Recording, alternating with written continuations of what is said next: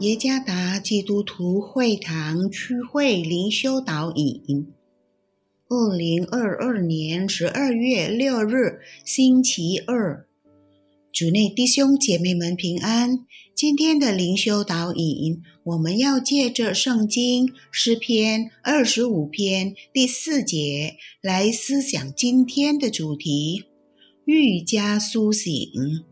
作者沈天良传道。诗篇二十五篇第四节：耶和华，求你将你的道指示我，将你的路教训我。当农夫要在新的田地里种菜时，首先要做的就是处理田地，翻掘土里的石头和树根，然后再次处理田地，使土壤更松。为接下来的耕植做好准备。同样的，我们的灵命成长也是如此。我们的心就像一块田地，当我们信主的那一刻，我们经历神将我们的罪揭开，同时我们也向神承认罪过，并得着神的赦免。但随着时间的过去，当我们领会、明白上帝的话语，并深深根植于我们的心中时，圣灵开始揭开我们里面所埋植的其他罪过。起初，我们认为隐藏的罪是小事，但是若任凭他的话，我们就要受到亏损。今天，神正在揭露我们的罪。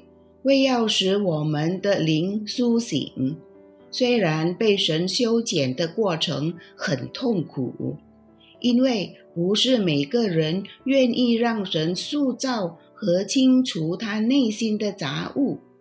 然而，神这一切作为，乃是要让我们在他眼中变得更完美。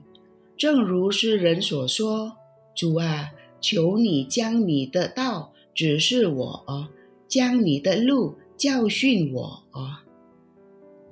神所指示的道路，乃是合乎他所说的话语。耶稣基督已救赎我们，使我们从罪恶的痛苦中得复苏，不致灭亡。耶稣基督十字架上的救赎所付出的代价是非常昂贵的。作为一个已经蒙神救赎的人，我们应当成为上帝的好儿女。我们的生活必须合乎神的旨意。在我们的生命蒙神修复之后，应当用一生来荣耀他。神要我们在他面前变得更加完美。主耶稣赐福。